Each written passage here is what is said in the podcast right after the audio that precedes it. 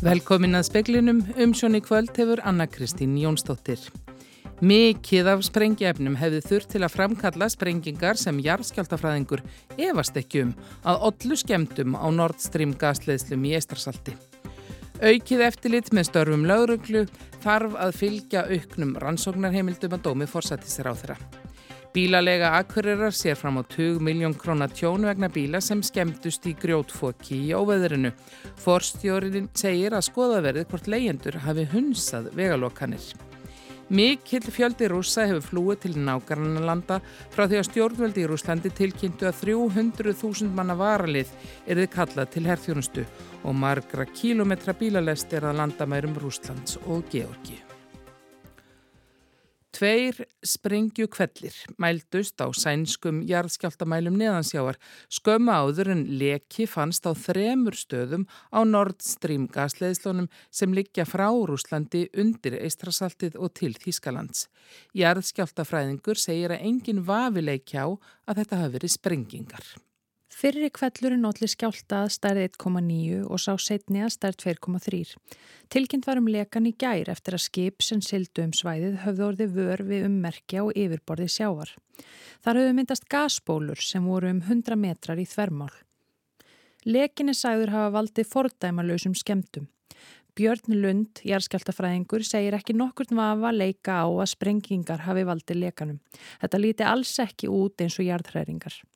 Mælingar sem hafa staðsett upptök kipana sína hnitin er á sama svæði och skemdirnar á gasleðslunum. Och tittar man på hur vågorna ser ut så är det också väldigt klart att det här är inte en jordbävning. Det ser inte ut som de vågor man får från en jordbävning. Lund segist telja að mikið magn sprengjefna hafi þurft til að framkalla sprengingar af þessari stærðagráðu, líklega meira en 100 kíló af dýnamíti. Min gissning skulle vara att vi pratar om över 100 kíló, förmodligen mer dynamít eller TNT. Klaus Mosegard, danskur professor í jarðæðlisfræði, segir að krafturinn hafi verið á pari við stóra sprengju úr setni heimstyrjöldinni. Þísk stjórnvöld eru söður ansaka málið sem árásir. Gunnhildur Kjærúlf Birgistóttir saði frá en því má bæta við að Mette Fredriksen, forsættisar á þeirra Danmerkur, ræðir nú við fréttamenn um gasleikan í Eistrasalti á fundi sem bóðaður var með skömmum fyrir var að síða þeirra telur að aukið eftirlit með störfum lögreglu þurfa að fylgja auknum rannsóknar heimildum sem bóðaður eru í frumvarfi dómsmálaráð þeirra um forvirkar rannsóknar heimildir. Jón Gunnarsson segir stutt í frumvarfið. Ég hef ekki búin á öðrun að það verði spunningu við þetta í ljósi þess hvað ástandið í raun er orðið alvarlegt þegar kemur að skipilaður að brota starfsemi og það er ítrakka komið fram í skýslum frá lauruglunni í nokkur ár, viðvaranir í þá átt og við höfum fengið viðvaranir líka frá laurugluðvöldum í nákvæmlandum okkar. Á þetta verðum við að hlusta. Katrín Jakobsdóttir fósætisráð þeirra segir að þjóðaröryggisráð hafi í dag rætt handtöku sérsveitar ríkislauruglustjóra á fjórum mönnum í síðustu viku. Tveir þeirra sitja í gæsluvarðhaldi grunaður um tilraun til hriðiverka. Frumvarp dómsmálar á þeirra sé ekki komið á borð ríkistjórnar og ekki tímabært að ræða það núna. Þá séu þetta ekki eðlislíkir þættir, skipulögð glæpastarfsemi annars vegar og möguleg hriðjverka ógn hins vegar. Ég er síðan þeirrar eindregnu skoðunar og hef alltaf verið að auknum heimildum þeim hljóta fylgja aukið eftirlitt með störfum lauruglu og ég held raunar að að það sé það sem við getum lært í raun og vera af nágrann og löndum okkar þegar við erum að tala um slíkar heimildir þá þarf eftirlítið að fylgja. Þetta verður oft verið til umræði í samfélaginu og ég held að það skipti einmitt máli að við uh, skoðum þetta ekki í neinum flíti þrátt fyrir atbyrði síðustu viku heldur einmitt gefum okkur tími það að hérna, fara vandlega yfir málinn því þarna þarf að auðvitað að finna jafnvægi millir þess að tryggja það að lauruglan geti sitt uh, skildum sínum og hins vegar að tryggja réttindi og frelsi fólksins í landinu sagði Katrín Jakobsdóttir, Ásrún Brynja Yngvarsdóttir tók saman. Forstjóri bílalegu akkurirar segir að minnstakosti tíu bílar í þeirra eigu hafi eigðilagst í storminum sem gekk yfir landi í fyrradag. Hann segir að skoða í staðsetningabúnað í bílunum vegna grunn semta um að ferðamenn hafi kert fram hjá lokunarpostum vegagerðarannar. Steingrímur Birgisson, forstjóri bílalegu akkurirar, segir fyrirtækið aldrei hafa lendi öðru eins tjóni og varð þegar aftaka veður gekk yfir austurhluta landsins í gær og í fyrradag. Algengt sé að bílalegu bílar verði fyrir skemmtum í yllveðrum, líkt og sandfóki, en hann segist ekki muna eftir að margir bílar hafi gjör eðilagst á svo stuttum tíma. Hann telur tjónið hlaupa á tugum miljóna. Eh, þessi bílar sem voru upp á Möðrudal voru bara meira minna ja, nánast annir til. Allt lagt, plast, lífar, gler, skemmt, jafnveil mælaborðu, inn, innvols í bílun líka vegna þess að hérna, rúðna brotnuð og þetta er bara sandbásið sko, þannig að þetta er bara, þetta er nánast að segja maður alltjón á, á mörgum þessara bíla. Stengrimur segist ekki gera ráð fyrir að fá tjónið bætt frá tryggingafélagum þar sem að þeir bjóði ekki upp á tryggingar gegn fóki á lausum jarðefnum. Hluti ferðamannana hafi verið tryggður hjá bílalegunni sjálfri fyrir slíku tjóni og ljóst er að skemdirnar verða nokkuð högg fyrir fjárhag fyrirtækisins. Talsmaður vegagerðarinnar sagði í samtali við fréttastofu í gær að líklega hefði hluti þeirra erlendu ferðamanna sem sátu fastir á Möðrudalsöræfum í veður ofsa kyrt fram hjá lokunarpostum. Að keira veg þar sem öll umferð er bönnuð getur talist til brota gegn umferðarlögum. Við erum með trakkar í bílunum okkar og getum séð hvernig þeir fóru inn á, inn á svæðin. Sko. Uh, einhverjir voru náttúrulega bara komið inn á svæðið og þess vegna kannski ekki átti ekki umtökum auðið, þessum að segja. En, en við vitum það alveg, það eru dæmum það að menn hafa vist þessar lokan eða vettið, ekki bara í þetta skipti, heldur, heldur fyrir tíð og, og, hérna, og það þarf bara að skoða hvert tilfelli fyrir sig í þeim öfnum. Saðist Engrimur Birgisson, Ólöf Rún Erlendsdóttir tók saman. Hópur áhuga fólk sem einfaldar útfarir vil draga úr kostnaði við jarðafarir. Kristján Hreinsson, forsvarsmaður hópsin, segir það óskinsamlegt að eigða mörg hundru þúsund krónum í jarðarför sem byggist meiraði minna á úreldum hefðum. Er einhver skinn sem er fólki nýði að, að eh, kaupa rándýra kistu og kveika í henni eða þá að setja lík í rándýra kistu og setja hann á honni mold? Okkur þarf að borga presti 40-50 þúsund kall fyrir að mæta og, og uh, lesa úr ferilskrá. Sverrir Einarsson, útfarastjóri hjá Útfarastofu Íslands, segir að Íslendingar séu vanafastir þegar kemur útförum en vel sé hægt að draga úr kostnaði. Margir eigi erfileikum með að greiða fyrir útfarir. Döðsvöld eru náttúrulega þannig að þau, við erum kannski ekki með á, á fjárhásallan hjá okkur að, að jarða fólki okkar. Saði Sverrir Einarsson og áður heyrist í Kristjánir hensinni það verið fjallað um þetta í sjómarpsfréttum klukkan sjö. Þingmenn stjórnaranstöðuna sökuðu fulltrúa sjálfstæðisflokks og framsorgflokks um að vinna gegn trausti alþingis þegar að fjallað varum myndbrot Sigurðar Inga Jóhanssonar, formans framsorgflokksins, á siðareglum alþingis í forsættisnemnd. Sigurður Ingi létt niðrandi umalið falla um Vigdísi Hessler, framkvæmdastjóra bændasamtakana á búnaðaþingi í mars. Umalinn voru sögð snúað húðlitt Vigdísar. Sigurður bað Vigdísi síðar afsökunar á þessum umalum. Sigurður var kærður fyrir brot á siðareglum alþingis og var málinu vísa til fossatisnemndar til umfjöllunar. Meiri hluti nemdarinnar ákvaði síðustu viku að vísa málinu frá, meðal annars á þeim grundvelli að Vigdís og Sigurður hafi náð sátt í málinu. Þingmenn stjórnaranstöðunar tóku málið upp við upphaf þingfundar í dag og gaggrindu fulltrúar framsónaflokks og sjálfstæðisflokks í nefndinni. Þorbjörg Sigriður Gunnlaugstóttir þingmaða verisna sagði að nefndin hafi ekki fengið tíma til að fara yfir málið. Síðan nefnd fekk síðan ekki að leggja matamálið heldur verði vísað frá fórsættisnefnd heilum fimm mánuðum eftir að kvörtun barst.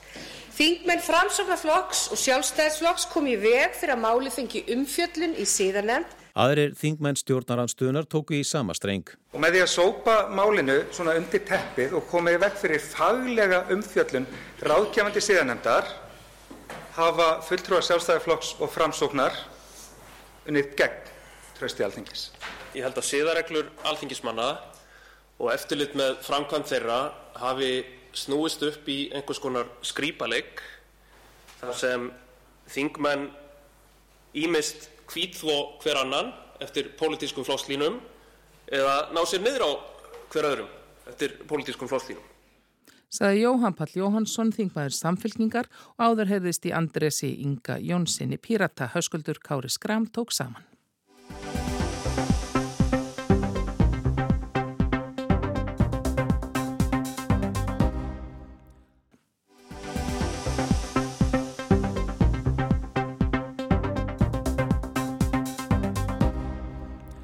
Á þriðja hundrað þúsund rússar hafa flúið til nágrannarlandana frá því að stjórnvöld tilkynnti í síðustu viku að 300.000 manna varalið erði kallað til herþjónustu til aðstóða við innrásinni í Ukrænu. Margra kílometra bílalest er við landamærina Georgi og í Kazakstan eru rússar og herskildu aldrei bóðinir velkomnir af mannúðar ástæðum.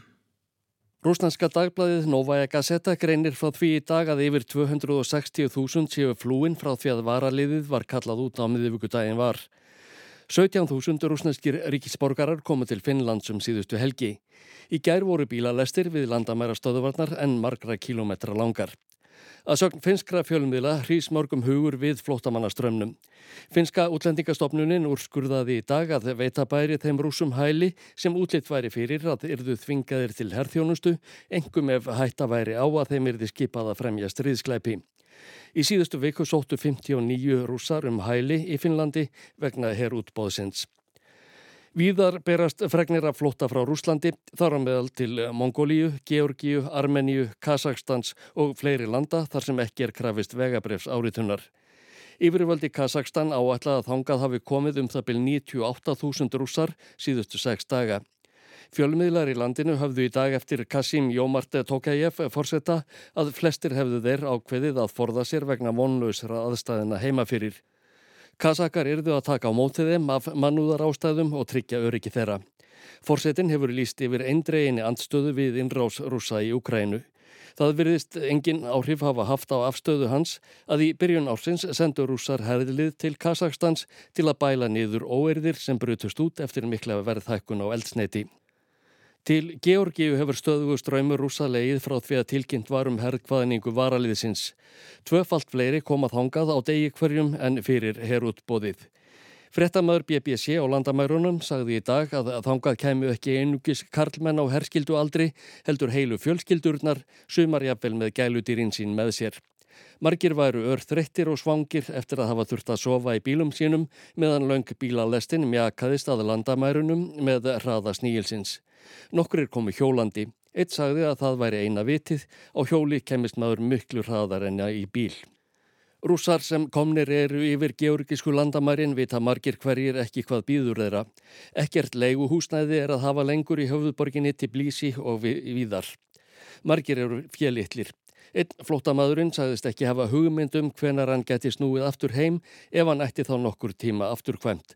Hann hefði mist heimili sitt og samfélagið sem hann tilherði væri horfið. I don't know when I can, can come back, maybe never.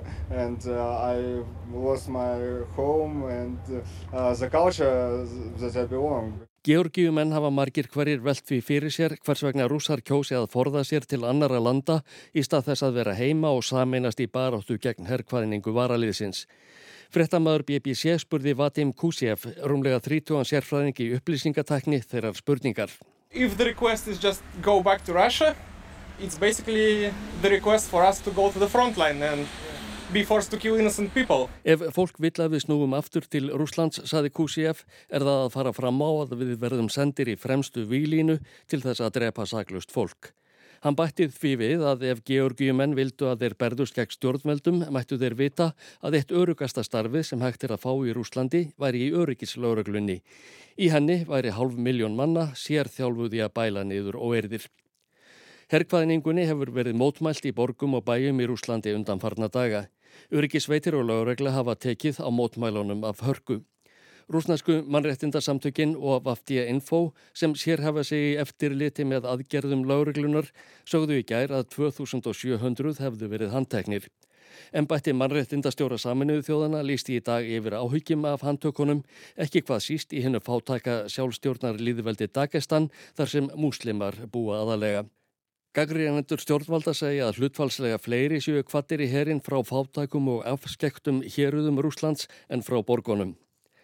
Rúsnæskir fjölmiðlar hafðu í gær eftir heimildarmönnum innan stjórnkjærfisins að landamærunum erið mögulega lokað í vikunni til að koma í veg fyrir að karlmenn á herskildu aldri getu flúið land. Varnarmálaráðunettið í Moskvu sendi frá sér yfirlýsingu í dag. Þar segir að þess hafi ekki verið krafist að rúsnæskir ríksborgarar erðu framseldir frá Georgíu, Kazakstan eða neinu öðru landi. Ekki stæði til að gera það. Ekkert var minnst á að tilstæði að loka landamærum Rúslands. Ásker Tómasson saði frá.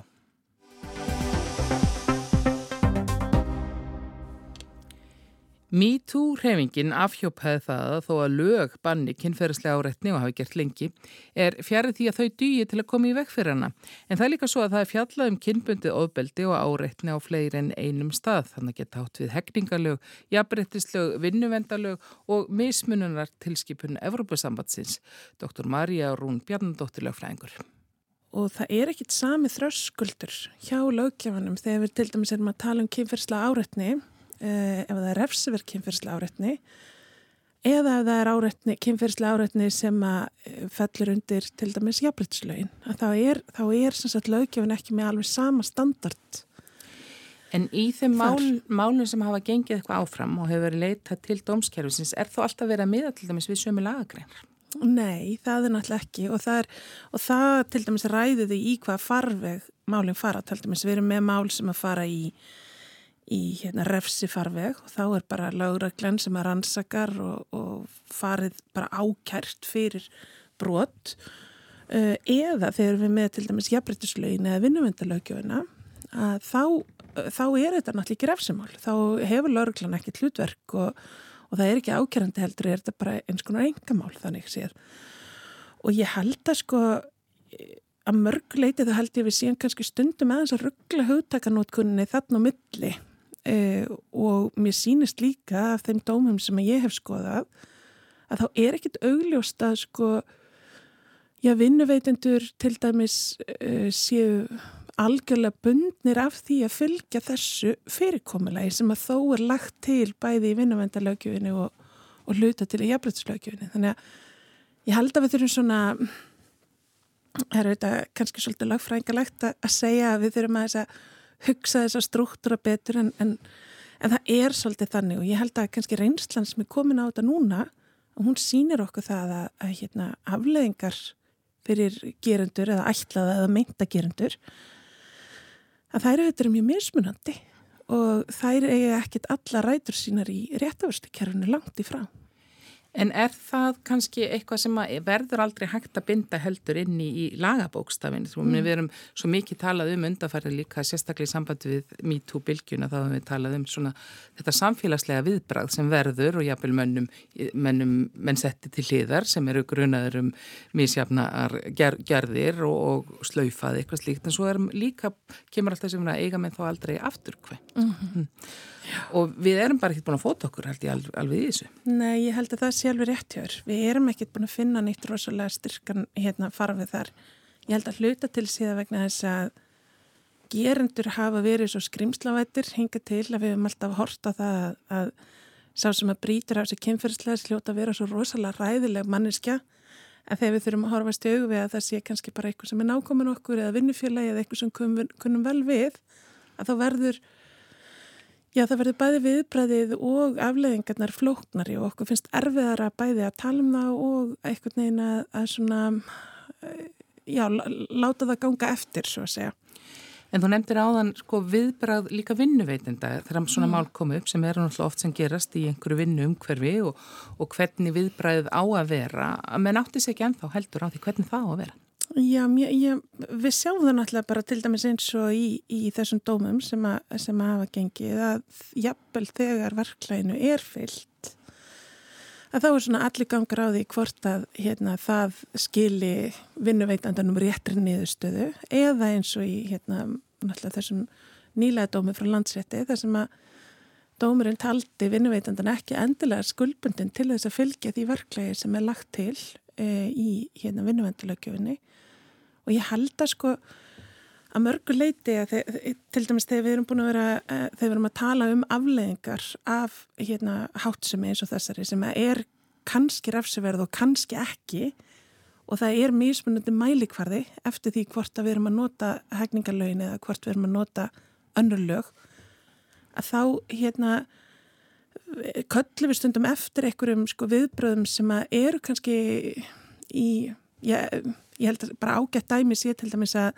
að þegar við erum að tala um sko kynversla áreitni að þá hugsa flestur um hegningalögin En í framkvæmd að þá reynir kannski oftar á einhver önnur lög og jafnvel einhver önnur viðmið sem eru kannski ekki endilega bundin í lög. Og þar held ég til dæmis að eins og við hefum séð hérna nokkur um að þessum mítúmálum að þá eru það kannski bara viðmiðunareglur sko stjórna, e, síðareglur og, og svona já kannski einhver svona instrument sem eiga kannski frekar rætur í bara góðum stjórnunarháttum frekar en en endilega lögjöfunni og þá er kannski fyrir vinnuveitandan eða, eða fyrir, já, yfirleitt vinnuveitandan þá er það, þá er það kannski frekar einhver viðskiptaleg sjónamið, frekar en lagaleg sjónamið sem er ráða í raun og veru þeim afleggingum sem að hátt sem að umrætt hefur fyrir e, þann sem að á að hafa gert eitthvað.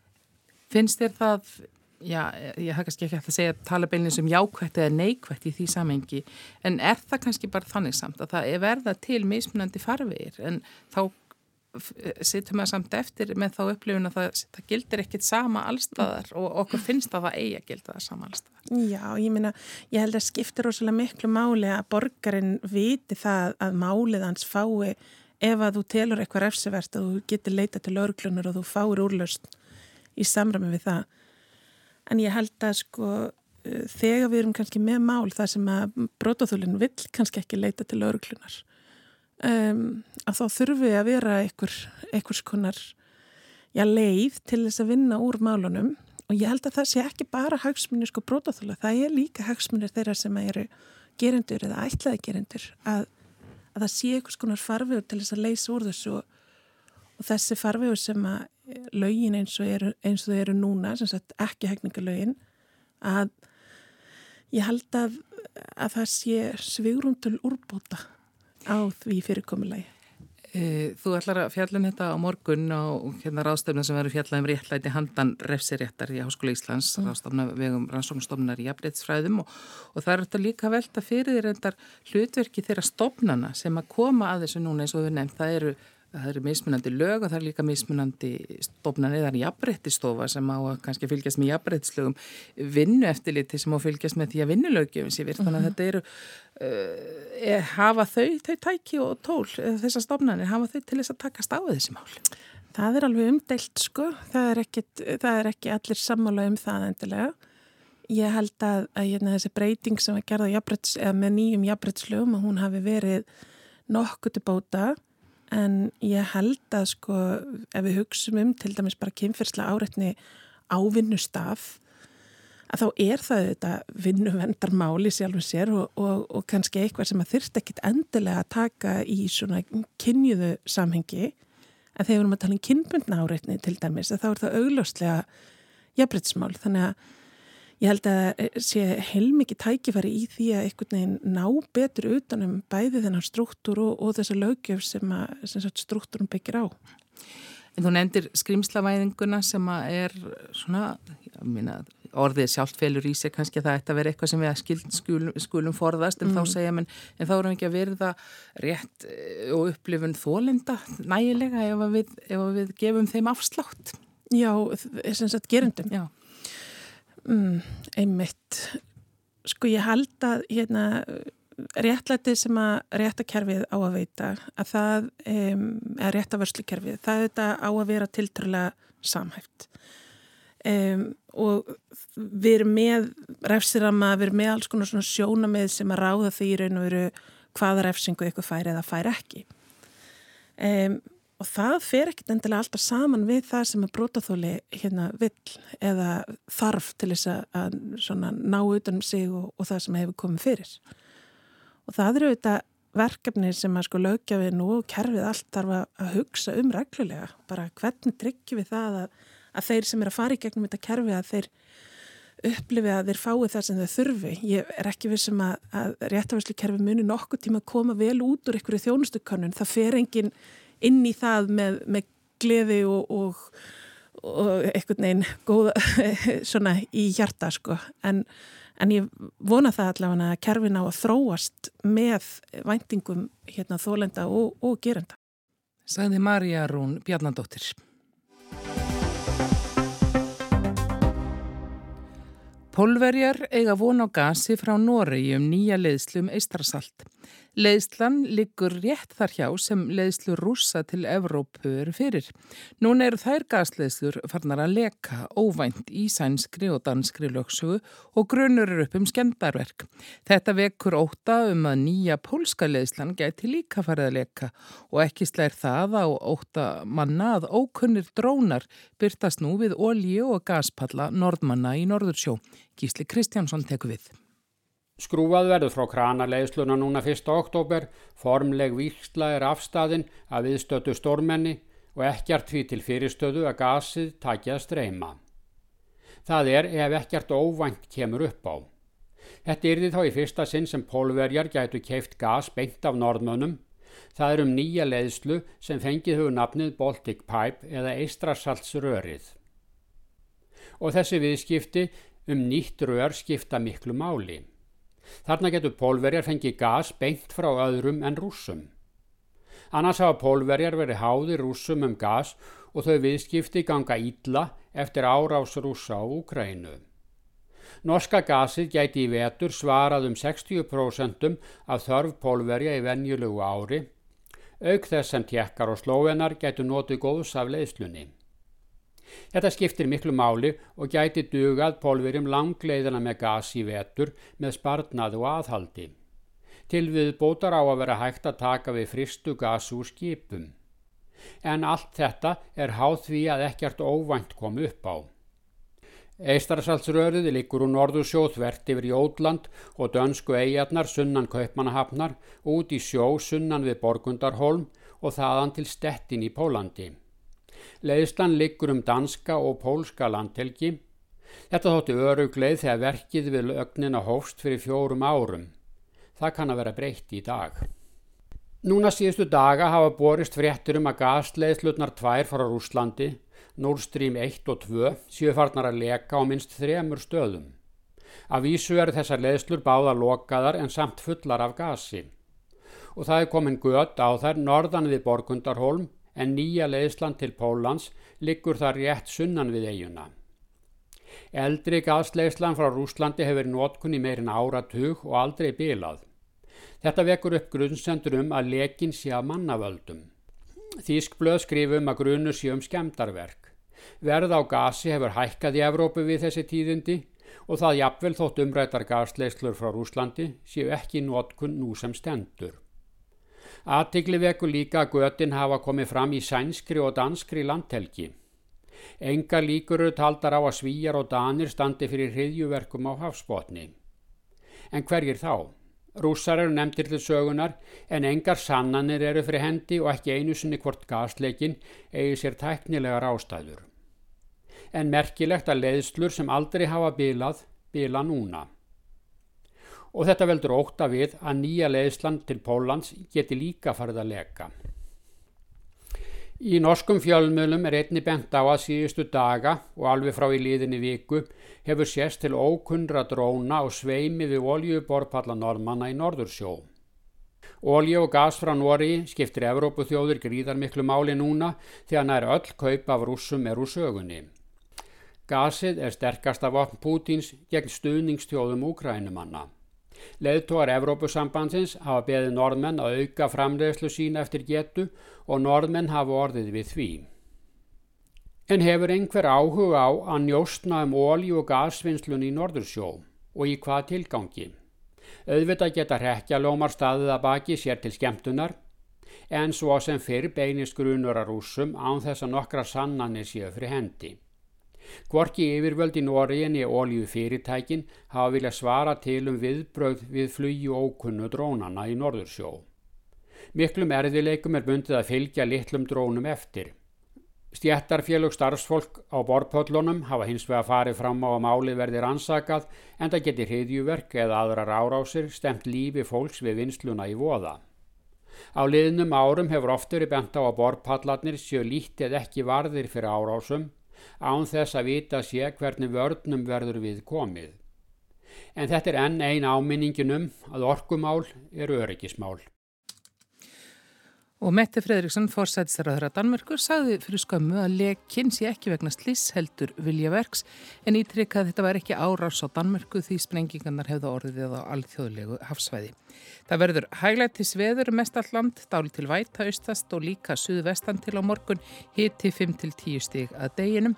Fleiri ekki speklinum, tæknimaður var Markus Hjaltarsson veriði sæl.